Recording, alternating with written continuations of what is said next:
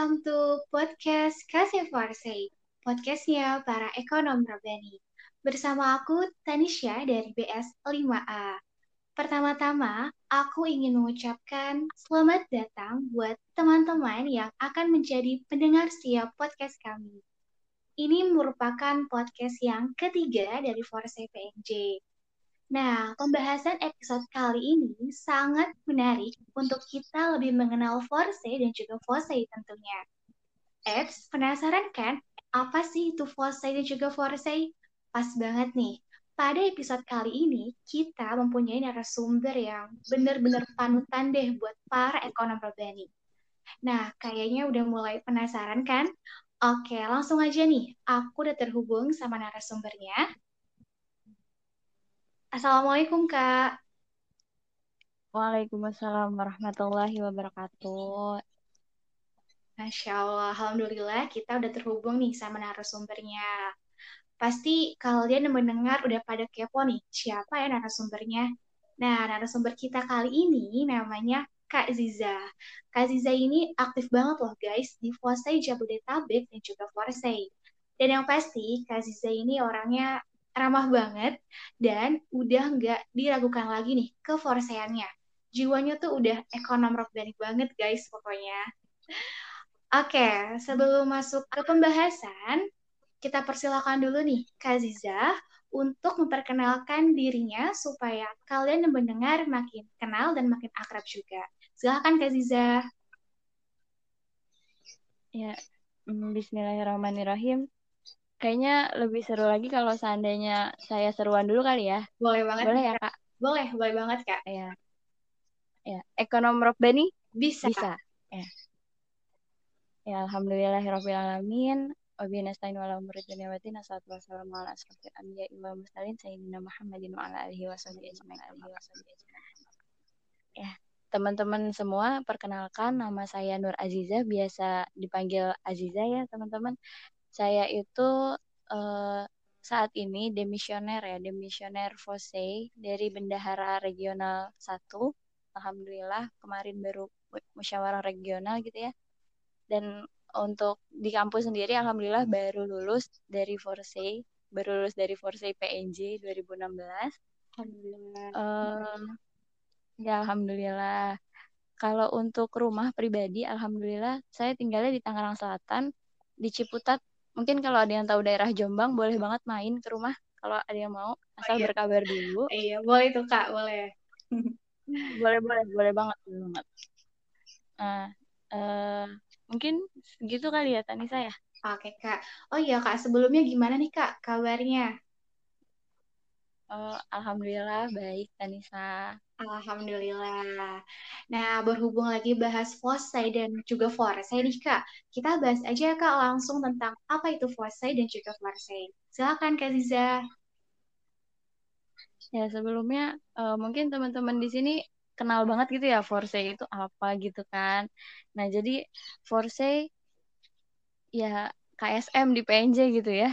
KSM di PNJ. Terus apa sih hubungannya sama Fose gitu ya teman-teman? Uh, mungkin kalau seandainya dari teman-teman bingung apa bedanya Forse sama Fose, sebenarnya Forse dan Fose ini gak jauh beda nih teman-teman. Uh, kedua lembaga ini sama dengan tujuannya tujuannya sama gitu teman-teman. Sama-sama ingin membumikan ekonomi Islam. Perbedaannya itu ada di luas lingkupannya nih teman-teman. Kalau Fose ini lingkupannya dia luas gitu ya. Ke masyarakat iya, ke kader-kader iya dan Fose ini tidak uh, hanya ada di regional gitu teman-teman. Fose ini ada senasional. Jadi dari Sumatera ada, di Jawa Timur ada, Jawa Tengah ada, terus daerah uh, Sulawesi pun ada teman-teman. Nah, untuk lingkupan Fose segitu teman-teman. Nah, kalau Fose di sini itu dia lingkupannya itu di kampus. Nah, kalau kalau di Fose, Forse ini dikenal dengan nama KC, teman-teman kelompok studi ekonomi Islam KSEI. Nah, untuk Forse sendiri eh, pembumian ekonomi Islam di lingkup kampus teman-teman tidak hanya untuk mahasiswanya saja, tapi bisa juga masyarakat sekitar kampusnya untuk dibumikan ekonomi Islamnya teman-teman. Jadi itu sih kurang lebih perbedaan antara Fosei dan Forsei. Wah, Masya Allah gitu. banget nih. Jadi bisa dibilang kalau misalkan Fosei ini tuh menaungi banyak kasei dan Forsei adalah salah satu eh, yang dinaungi oleh Fosei ya Kak. Betul ya Kak, seperti itu? Iya, benar banget kayak gitu Tanisa. Oke, oke lanjut nih Kak. Kan tadi Kakak udah jelasin tentang apa itu Forsei dan juga Forsei. Nah, Kak Zisa kan aktif nih di keduanya. Kira-kira di Forsei hmm. dan juga Forsei punya ciri khas atau nilai tertentu gitu nggak sih Kak? Dilihat apa Puten Tanisa? Uh, mempunyai ciri khas atau nilai tertentu gitu nggak sih Kak? Oh, nilai-nilai ada dong pasti. Wah, apa tuh Kak? Ada. Jadi uh, nilai-nilai yang paling penting di Fose dan Forse itu ada tiga nih teman-teman. Ukhuwah, dakwah, dan ilmiah. Sebelum kita masuk ke nilai-nilainya Fose dan Forse ini, teman-teman tahu gak uh, kepanjangan dari Fose dan Forse itu apa? Kayaknya tadi aku lupa. Apa tuh kak? Boleh nih kak dikasih tahu. Mungkin yang mendengar masih kayak mirip-mirip gitu kata-katanya say sama say gitu kak. Insya Allah, iya. Jadi uh, FOSE ini kepanjangan, jadi singkatan dari Forum Silaturahim Studi Ekonomi Islam ya teman-teman. Kalau FORSE, Forum Studi Ekonomi Islam. Nah, jadi hmm. nggak hanya kalau di FOSE ini nih ya teman-teman, di FOSE tidak hanya untuk studi aja nih teman-teman, tapi silaturahim. Nah, di situ Di situlah muncul nilai-nilai tiga nilai tadi, uhwa, dakwah, ilmiah. Buat apa sih tiga nilai ini? Nah, tiga nilai ini digunakan untuk menciptakan eko, ekosistem ekonomi Islam sesuai dengan visinya FOSE ya teman-teman, pembumian ekonomi Islam gitu kan. Nah, pembumian di sini tidak hanya pada sektor perbankan saja, namun pembumian ekonomi Islam dapat dilakukan di berbagai industri, tidak hanya perbankan. Industri pemerintahan bisa teman-teman. Industri uh, apa lagi ya perusahaan perusahaan perusahaan biasa gitu itu juga bisa nah kenapa sih kita harus uh, menciptakan ek ekosistem ekonomi Islam diciptakannya ekono ekosistem ekonomi Islam di sini tentunya agar seluruh sektor tersebut terintegrasi dengan ekonomi Islam teman-teman. Maka cara, cara caranya itu di uh, dikerucutkan menjadi tiga nilai tadi ukhuwah, dakwah, ilmiah. Ukhuwahnya itu di mana sih ukhuwah itu apa sih? Ukhuwah itu uh, persaudaraan, tali persaudaraan gitu. Iya, kita menjalin tali persaudaraan dengan sesama kader kita. Kader kita itu siapa aja? Kasih-kasih teman-teman. Jadi nggak hanya Forse, Forse ada juga yang di Gunadarma, ada yang di Universitas Indonesia, ada di UIN, ada di Sebi, Taskia. Terus mungkin ke seberang dikit nanti ada yang dari Unan, Andalas gitu kan. Unan, Brawijaya, UGM. Nah, itu tuh semua kader-kader Forse, teman-teman. Nah, di situ kita itu tidak hanya bersaing gitu kan, bersaing secara ilmiah, tetapi juga kita harus mengenal karena gimana? Karena kenapa gitu ya? Karena kenapa kita harus mengenal mereka? Kita harus mengenal mereka itu karena kita memiliki satu tujuan yang sama loh teman-teman, pembumian ekonomi Islam gitu. Nah, selain untuk merajut tali silaturahim antar sesama kader, kita juga eh, merajut ukhuwah dengan regulasi, stakeholder dan lain sebagainya. Karena banyak perusahaan nih teman-teman yang mereka tuh masih awam, awam banget sama ekonomi Islam. Dan tidak semua perusahaan itu aware dengan ekonomi Islam. Nah, makanya itu kita uh, merajut uhwahnya ini dengan cara berdakwah gitu. Dakwah itu apa sih teman-teman? Dakwah itu berasal dari kata da'a ya da'u atau artinya ajakan, ajakan atau seruan gitu ya. Nah, kita harus mengajak gitu teman-teman, mengajak seluruh entitas atau seluruh masyarakat untuk apa? Untuk merasakan ekonomi Islam di setiap kegiatan mereka gitu. Karena ekonomi Islam itu kan luas ya teman-teman. Salah satunya itu ada muamalah ya, di mana mengatur tentang mengatur tentang bagaimana cara kita bersikap terhadap orang lain, bagaimana kita bersikap agar kita tidak menzolimi orang lain gitu ya. Nah, maka maka itu kita perlu berdakwah untuk memberitahu gitu, mengajak teman-teman, nggak teman-teman saja, mengajak masyarakat dan seluruh seluruh entitas gitu ya untuk uh, merasakan gimana sih jiwa ekonom rohbani itu. Nah, terus kenapa sih harus bernuansa ilmiah nih teman-teman? Bernuansa ilmiah. Karena kita di sini sebagai mahasiswa teman-teman di mana mahasiswa itu tidak jauh-jauh dengan yang namanya pemikiran kritis gitu ya, pemikiran kritis, analisis dan lain sebagainya. Ilmiah ini sangat-sangat sangat diperlukan bagi kita terutama ketika kita ingin terjun ke masyarakat atau kita ingin bergabung ke dalam uh, akademisi atau regulasi ilmiah ini sangat diperlukan. Karena kita tidak bisa dong ketika kita ingin berkata A tanpa dilandasi dengan uh, teori yang ada gitu.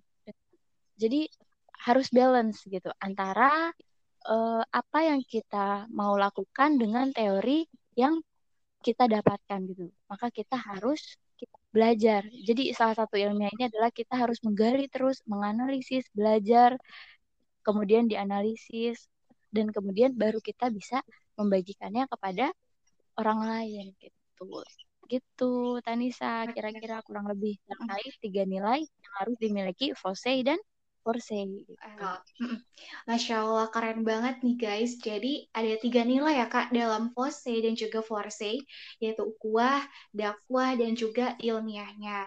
Jadi kayak mantep banget deh merajut ukuah dalam dakwah bernuansa ilmiah. Bener banget ya Kak, kayak gitu. Iya, betul banget, betul. Oh iya Kak, kalau boleh tahu nih Kak, apa aja sih Kak agenda yang ada di Fosei Jabodetabek? Karena kan lingkupnya regional tuh Kak, yang pasti kegiatannya semakin banyak nih. Insya Allah. Kalau berkata berkata tentang agenda banyak banget. Iya, banyak banget banget. Banyak. Cuman memang kita memiliki agenda inti sih teman-teman. Jadi yang pertama itu ada uh, murek gitu ya.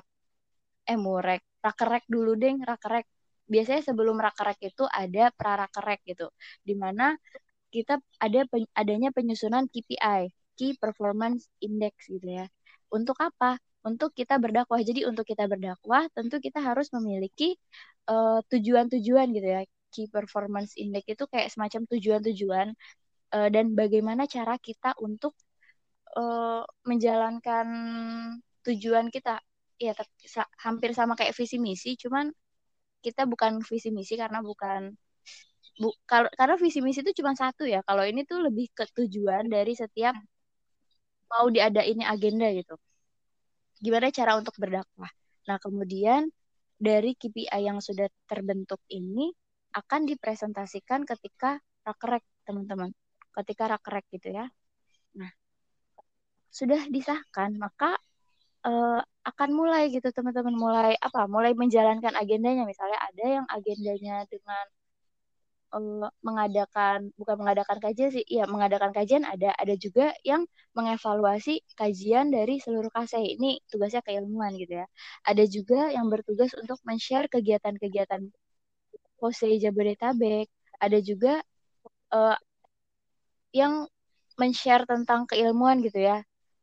Keilmuan maksudnya maksudnya keilmuan di sini kayak FJ Pintar gitu ya. Jadi ada ada semacam materi yang di-share melalui Instagram, YouTube, website gitu ya. Nah, kemudian ada juga nih untuk menjaga keutuhan keutuhan dari kaderisasi, tidak hanya keutuhan di Fose Jabodetabek saja, tapi keutuhan di setiap kase. Nah, ada yang namanya koordinator kaderisasi di mana uh, dia itu selalu memantau nih teman-teman, memantau pergerakan kase, apakah kase itu sudah regenerasi atau belum, kendala dari kase kase uh, misalnya yang belum masih merintis gitu ya apa, nah itu kita menganalisis teman-teman. Nah kemudian ada juga yang agenda besar kita tuh Temilrek, temu ilmiah regional. Tahu gak Tanisa? Tahu kak tahu. Hmm. Apa yang Tanisa tahu Temilrek? Tentang yang temu ilmiah regional itu Kak, cuman uh, aku sendiri pun belum pernah ikut nih Kak, karena aku baru gabung ke Foresai pas tingkat 2, jadi belum pernah ikut langsung ke Temilrek yang Foresai ini. Sem kemarin sempat ada, cuman uh, karena lagi ada halangan satu dan lain halnya jadi nggak sempat ikut nih kak jadi kayak kesel banget dan sayang banget gitu Masya Allah, gak apa-apa, gak apa-apa. Jadi kalau tabu ilmiah regional di sini, kita itu sebenarnya tujuan awalnya adalah untuk mengevaluasi nih teman-teman. Mengevaluasi seberapa jauh sih uh, kajian yang telah dilaksanakan setiap KC terhadap kadernya gitu. Apakah KC itu berhasil untuk mendidik, bukan mendidik sih, apakah KC itu berhasil uh, dalam meningkatkan keilmuan kas, kader di KC atau enggak? Nah, salah satu caranya adalah dengan adanya lomba-lomba. Lomba apa? Lomba KTI, lomba BP, debat. Ini macam-macamnya ya. Cuman uh, emang tidak setiap rek harus ada banyak lomba seperti ini gitu. Yang penting itu ada KTI, debat, olimpiade, uh, Kim. Nah, pokoknya uh, itulah macam-macam lomba. Tapi rek ini tidak hanya digunakan tidak hanya diadakan untuk mengevaluasi setiap kader. Diadakannya Temelrek ini juga untuk meningkatkan ukhuwah dari setiap kader. Ketika kalau offline ya, kalau offline ketika bertemu dengan kader-kader dari universitas lain. Nah, ini tuh sangat diharapkan dari Fose Jabodetabek sendiri agar uh, setiap kase itu berkenalan, ta'aruf, takorup gitu ya. Keren banget. Terus mendekatkan diri. Nah, jadi memang kita tuh selalu menyelipkan uh, menyelipkan apa ya misi-misi tertentu gitu ya untuk ukhuwah gitu tujuan-tujuan tertentu di setiap agenda kita untuk ukhuwah itu selalu pasti mau di agenda Temilrek yang kemudian nanti ada research camp research camp di sini sebenarnya tidak hanya untuk meningkatkan keilmuan dari setiap kader KC gitu tapi untuk lagi-lagi untuk meningkatkan ukhuwah setiap kasih gitu teman-teman. Karena ukhuwah di sini penting jikalau kita memang ingin uh, berkembang bersama gitu kan.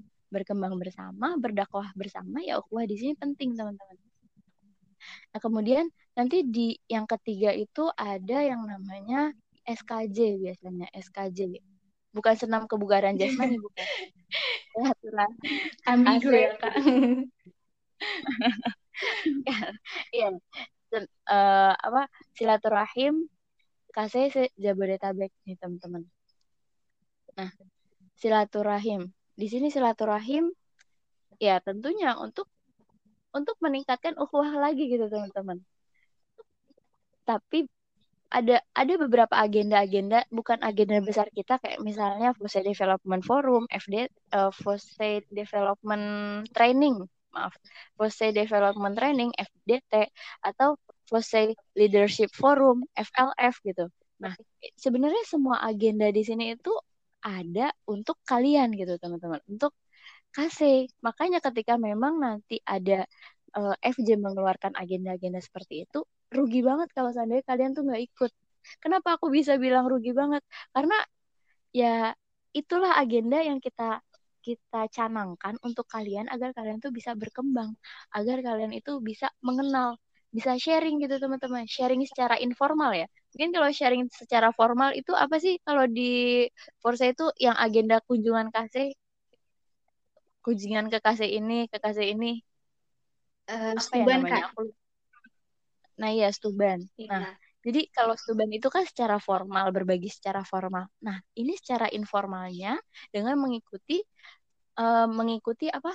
Mengikuti agenda-agenda FJ gitu. Nah, nanti kalian berkenalan, sharing-sharing aja. Kaderisasi di sana gimana sih, Kak? Keilmuan di sana gimana sih, Kak? Gak apa-apa SKSD, itu penting sebenarnya. Bener banget, Kak. Bener. iya, jadi kurang lebih gitu sih, Tanisa. Wah, jadi kayak cukup banyak ya, Kak. Dan aku pas dengarnya tadi tuh kayak keren dan mantep-mantep banget nih agenda yang ada di Fosai Jabodetabek. Jadi kita harus, apa ya, seenggaknya bisa ikut berpartisipasi nih langsung ke salah satu atau semua agenda yang ada di Fosai Jabodetabek. Jadi, uh, mungkin lanjut nih, Kak. Kak Ziza kan tadi aktif banget nih di keduanya. Selain kakak menjadi mahasiswa, Nah, gimana sih Kak cara Kakak untuk mengatur waktu atau memanage waktu biar tetap stabil nih Kak antara akademiknya dan juga organisasinya? Boleh nih Kak sharing ke kita tipsnya. Insya Allah. Sebenarnya kalau masalah manajemen waktu nih di sini ya, uh, sebenarnya masih buat PR banget buat aku juga sebenarnya. Cuman uh, untuk sharing ke kalian intinya satu sih teman-teman prioritas. Jadi oh, kenapa aku bilang prioritas ya prioritas? Karena ketika kalian tidak membuat uh, skala prioritas terhadap suatu agenda atau kalian tidak memprioritaskan suatu agenda tersebut di diri kalian ya mau sejalan apa pun kalian ya kalian nggak bakalan mau jalan gitu. Iya betul ini aku juga pernah ngerasain soalnya.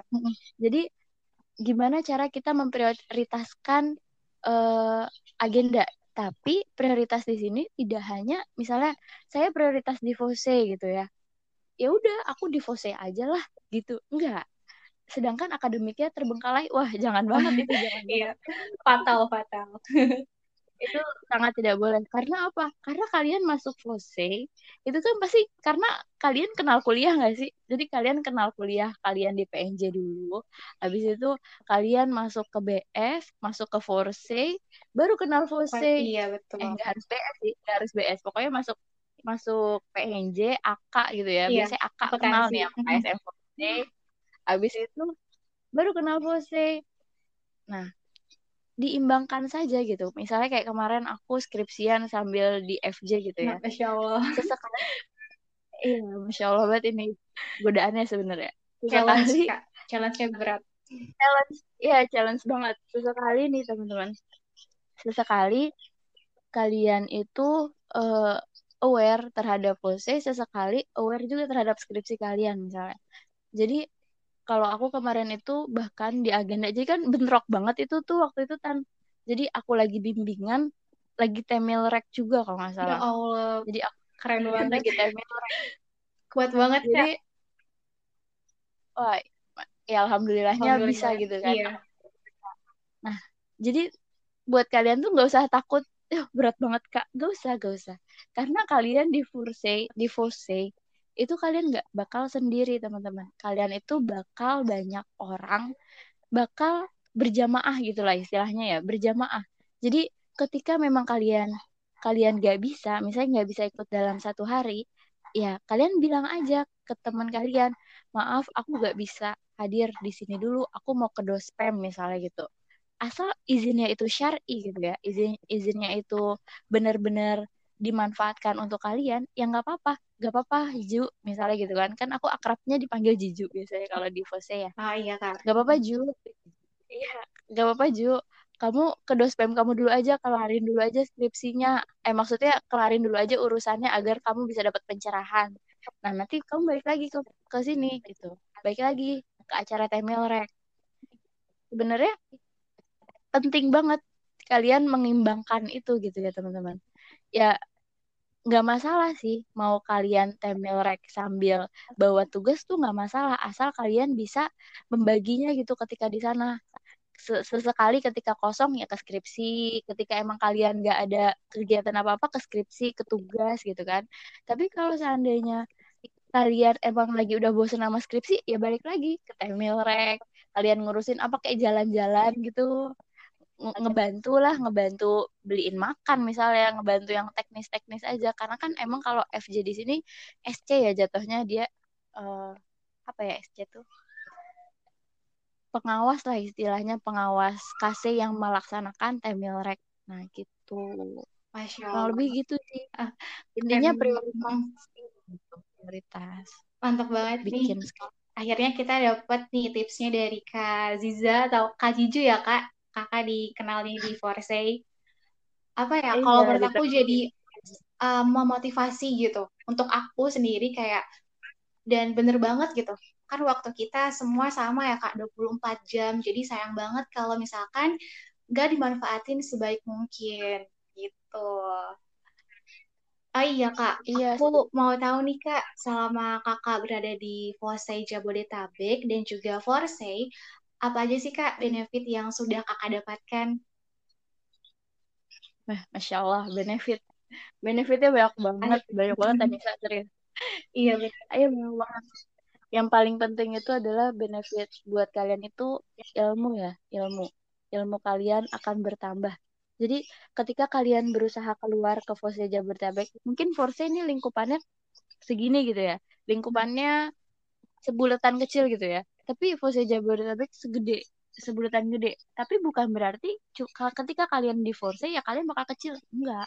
Makanya kenapa aku tuh sangat sangat menganjurkan kalian ketika udah masuk force terjun sekalian ke force. Mau cuma ikut agendanya doang mau kalian jadi pengurusnya mau kalian uh, hanya kenal sama teman-temannya nggak apa-apa. Nah di situ tuh bahan untuk kalian berkembang. Kenapa dengan adanya sharing informasi itu akan mengembangkan pola pikir kalian teman-teman. Karena setiap orang itu setiap kampus itu memiliki pola pikir yang berbeda nih Tanisa ya, uniknya betul, tuh itu. Hmm, benar. uniknya tuh itu. Ketika kalian sharing-sharing sama kampus kalian jadi tahu oh kase ini gini loh kase ini gini loh. Bukan berarti aku mengecilkan Forse bukan. Tapi ketika kalian masuk Forse bagusnya lagi kalian sekalian turun. Jadi kalian tahu apa di luar sana ide-ide apa yang bisa dimasukin ke Forse biar Forse di sini bisa berkembang juga iya. besar. Betul banget iya. Kak. Iya, jadi kayak gitu. Itu kan berarti uh, benefit relasi gitu ya, iya, teman-teman. Iya, relasi. relasi. Nah, selain relasi, ada juga nih benefitnya kalau seandainya kalian ikut Forse dan juga Forse.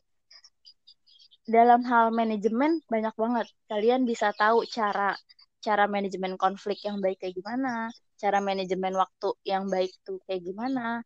Terus kalian itu uh, bisa juga nih apa ya? Uh, jadi kayak karena karena udah sharing informasi gitu kan, kalian jadi punya temen dekat, temen dekat. Nah, temen dekat ya ini kalian bisa dipakai buat berbagi cerita. Siapa tahu dapat jodoh gitu kan dari Forse ya Allah. atau gitu kan. Gak ada yang tahu ya kak benar-benar. Gak ada yang tahu, tapi ya siapa tahu. Iya, Walaupun iya. aku pun tidak tahu gitu kan. Iya, ya maaf ya, karena aku tuh orangnya gak bisa seri serius banget sebenarnya. Iya, aku tuh orangnya apa. ya jadi gitu. Bahkan kalau kalian mau tahu nih ya, aku ikut selama aku ikut Forse dan Pose, IP aku alhamdulillah loh teman-teman. Yang ya istilahnya dibilang tinggi sih enggak. Cuman ya alhamdulillah gitu meningkat gitu kan alhamdulillah. Nah jadi jangan pernah takut untuk sibuk. Bahkan ada beberapa orang ya semakin dia sibuk ke dalam organisasi maka IP dia semakin bagus. Oh, nggak ngerti sih kenapa. Itu keren Terus, banget. Ada lagi nih benefit benefit terkait dengan keislaman kalian teman-teman. Jadi ketika kalian nanti melihat kasih-kasih lain pasti kadang tuh suka jiper gak sih? Aku dulu Insecure gitu, gitu ya kak iya insecure insecure banget aku tuh. Soalnya kayak misalnya wah kasih lain tuh kerudungnya panjang. Eh tapi ini aku melihat positif positif jadi iya, aku kalau ngelihat orang tuh melihat positif positifnya gitu loh. Kadang wah dia kritis banget jadi orang. Wah ini tuh uh, kerudungnya panjang banget. Aduh muslimah banget. Aku apa? gitu kan. Ya Allah insecure banget. Tapi di situ jadi bahan untuk kita berubah teman-teman. Hikmahnya tuh itu. Betul. Kayak jadi bahan memperbaiki diri ya kak memperbaiki diri ya kembali lagi sih ke diri kita kita mau milih kita tuh seperti apa gitu itu balik lagi ke diri kita serius wah banyak banget ya kak berarti benefit yang bisa didapatkan kalau misalkan kita ikut ke Foresight dan bahkan ke Foresight juga gitu. Dan jujur aja gitu Kak, aku tuh jadi ngerasa beruntung dan bersyukur banget nih Kak. Alhamdulillah bisa ikut Foresight di tingkat 2 dan menjadi bagian dari Foresight sampai sekarang gitu. Jadi alhamdulillah banget gitu bisa ngerasain benefitnya gitu. Jadi buat teman-teman semua nih yang lagi mendengarkan podcast kita kali ini, yang mau dapet nih benefit kayak Kak Zizah jelasin tadi, yuk gabung Farsi juga. Kalau ada kesempatan, kenapa harus ditinggal? Betul banget ya, Kak. Jadi kita harus banget, teman -teman. ambil peluang yang ada. Mm -mm. Karena Forse ini nih kadang tuh suka menjelaskan sesuatu yang tidak dijelaskan di kelas. Nah, betul ini, ini, ya. Ini, ini, ini benar. fakta itu. ini fakta, fakta. Jadi kalian tuh kalau belajar di kelas doang ya udah pemikiran kalian tuh gitu-gitu aja. Bahkan aku kadang suka mikirnya ya ilah kalau kelas mah gampang udah. Ntar UTS belajar hamil satu. Benar banget ya Allah. Tapi ini gak boleh ini gak boleh diikutin ya ini gak boleh diikutin. Gak boleh paling nggak belajar belajar itu ya kontinuitas sebenarnya Jadi betul. belajar itu gak boleh capek. Nah, nggak terasa banget nih Kak, kita udah sampai di last question aja gitu, kayak seru banget gitu kita ngobrol-ngobrol dari tadi gitu. Boleh banget nih Kak, kasih sepatah dua patah kata buat Forse gitu, kayak pesan-pesannya untuk Forse ke depannya. Kesan-pesan boleh. Kalau kesannya sebenarnya aku bahagia banget. Aku bahagia banget ya. Bahagia banget aku pernah bergabung di Forse karena ya kalau aku gak gabung di Forse aku gak bakal berkembang ini kemungkinan kemungkinan ya. Ya gimana ya? Uh, ya senang punya teman-teman istilahnya ya kamu mau dekat atau enggak ya ukhuwahnya udah terjalin itu ya rekat banget gitu loh tan iya benar rekat iya, banget jadi mau lintas angkatan mana pun kayak yang ya kamu tuh anak-anak aku loh gitu. Iya. kamu tuh adik-adik aku loh. Kerasa banget nah kerasa kepemilikannya. Iya kerasa banget. Selain itu kita kan dakwah dakwah bareng gitu ya tuh gitu ya tan? Iya. dakwah iya. bareng terus belajar bareng. Belajar bareng di sini tuh kayak yang wah aku tuh menambah ilmu. Wah aku aja nggak pernah uh, mendapatkan apa ya mendapatkan pengalaman di organisasi lain tuh yang kayak gini tuh nggak pernah gitu tan. Masya Allah. Kayak spesial banget ini Iya, makanya kalian tuh kalau seandainya teman-teman nih buat teman-teman yang emang belum minat eh buat apa sih gue belajar ekonomi Islam? Ya buat apa sih gue ikutan force hmm. ya Allah itu salah banget. Itu itu yeah. gak banget gitu ya. Itu bukan sesuatu yang wow karena Force di di sini itu ya nggak cuman buat kalian belajar ekonomi Islam. Bahkan peluang kalian masuk Force di sini itu akan lebih luas lagi. Luas banget. Yang bahkan aku pun di sini yang aku keluarin di sini tuh tan belum semuanya. Karena aku bingung mau ngeluarin apa gitu tan. Kalian tuh harus coba langsung gitu kalian tuh harus coba langsung. Aku nggak bisa ungkapin dengan kata-kata gitu. Nah kalau pesan aku buat Forse tetap dijaga ukhuwahnya karena ukhuwah itu pondasi kita gitu, iya, pondasi kita. Pondasi kita untuk berorganisasi, pondasi kita untuk berkeluarga, pondasi kita untuk sama-sama mengembangkan Forse gitu. Jadi pesan aku tetap belajar juga, jangan lupa karena belajar itu adalah uh, intisari kita hidup di dunia. Betul. istilahnya gitulah intisari kita hidup di dunia. Karena Allah pun menjanjikan bagi orang-orang yang mau belajar akan dinaikkan satu derajat nih kan satu derajat. Jadi orang yang berilmu itu ya masya Allah banget. Bahkan kadang kalau seandainya nih ya kalau seandainya kalian nggak mau belajar ingat aja saudara-saudara kalian di luar sana yang yang mungkin kekurangan dari segi fisik maksudnya tunanetra tunawicara it, atau lumpuh mungkin. Iya, itu aja masih mau tetap berusaha untuk mengembangkan dirinya diri mereka sendiri. Baik dari menghafal Quran atau mungkin kalian uh, ada yang punya keahlian di bidang olahraga gitu kan. Itu tuh mereka mau berusaha. Iya. intinya Allah itu tidak pernah menilai kita itu dari seberapa besar, seberapa, seberapa banyak, seberapa besar hasil yang kita dapatkan. Tapi Allah itu menilai seberapa besar usaha kita, kemudian jangan lupa diserahkan kepada Allah gitu ya. Kita tawakal. Jadi ketika kita memang sudah berdoa, berusaha, ya udah pasrahkan saja. Dan ada satu kata-kata sih Tan yang ya, aku pegang sampai sekarang amanah itu tidak akan pernah salah pundak. Nah, kan? bener banget itu kan. Tidak pernah salah pundak. Ya, yang penting adalah satu usahakan dulu, usahakan dulu. Ya kita usaha aja dulu, gitu kan. Kita kan nggak tahu itu rezeki kita apa bukan. Kita nggak tahu itu amanah kita apa bukan. Benar, benar. Yang penting adalah ketika memang Allah mentakdirkan itu bukan menjadi amanah kita, ya jangan bersedih. Jangan bersedih. Kenapa? Mungkin kalian itu akan diberi amanah lain oleh Allah yang sifatnya itu kalian lebih urgent di sini loh daripada di sebelah sana gitu misalnya. Misalnya kayak gitu ya. Jadi memang semua itu kembali kepada Allah nih teman-teman. Nah ini juga ya Allah ini tuh kayak banyak banget pelajaran dan hikmah-hikmah selama aku ikut Forse dan Forse nih teman-teman. Karena dulu sempat aku juga bandel tan dulu. Tenang bandel gimana tuh kak? Mbak, aku nggak bisa ngebayangin Kak Zizah bandelnya gimana gitu.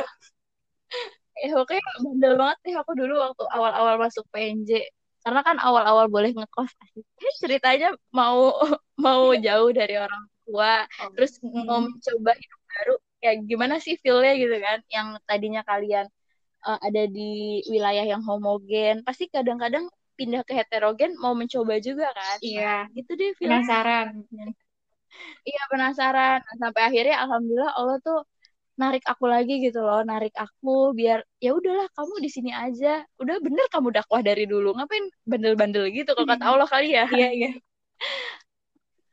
Udah jalannya kak bener. Iya udah jalannya bener. Masya Allah bener-bener luas banget sih ilmunya Kazizah dan juga pengalamannya yang di Forse Jabodetabek dan juga Forse yang udah nggak bisa diragukan lagi pokoknya dan bener-bener jadi apa ya motivasi juga untuk kita semua nih gitu dan semoga penjelasannya Kak Zizah tadi tuh kayak relate dan ngena banget gitu di aku dan semoga bisa bermanfaat buat kita semua yang mendengarkan dan semoga Allah Subhanahu wa taala selalu mengirimkan semangat dan hidayahnya untuk para pejuang ekonom robani.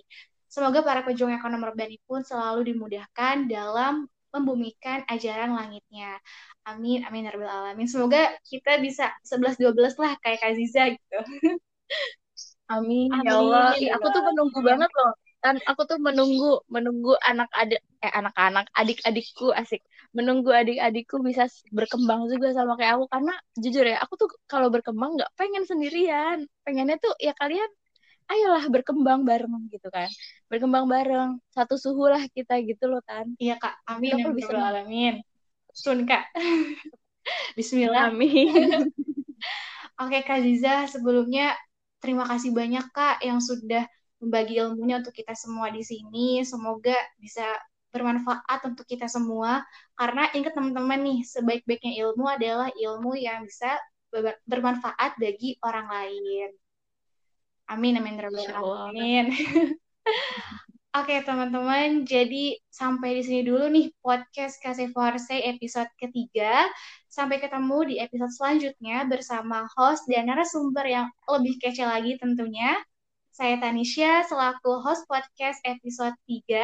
Izin pamit undur diri. Syukran jazakumullah khairan kasir. Wabillahi taufiq wal hidayah. Wassalamualaikum